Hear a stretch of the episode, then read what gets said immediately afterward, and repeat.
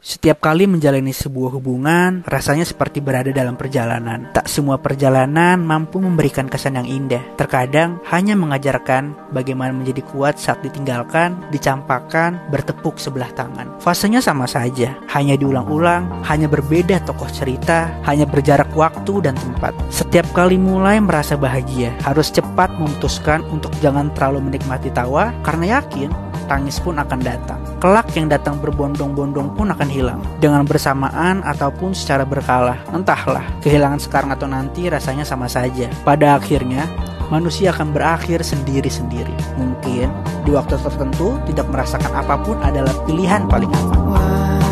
Pukul 2 malam.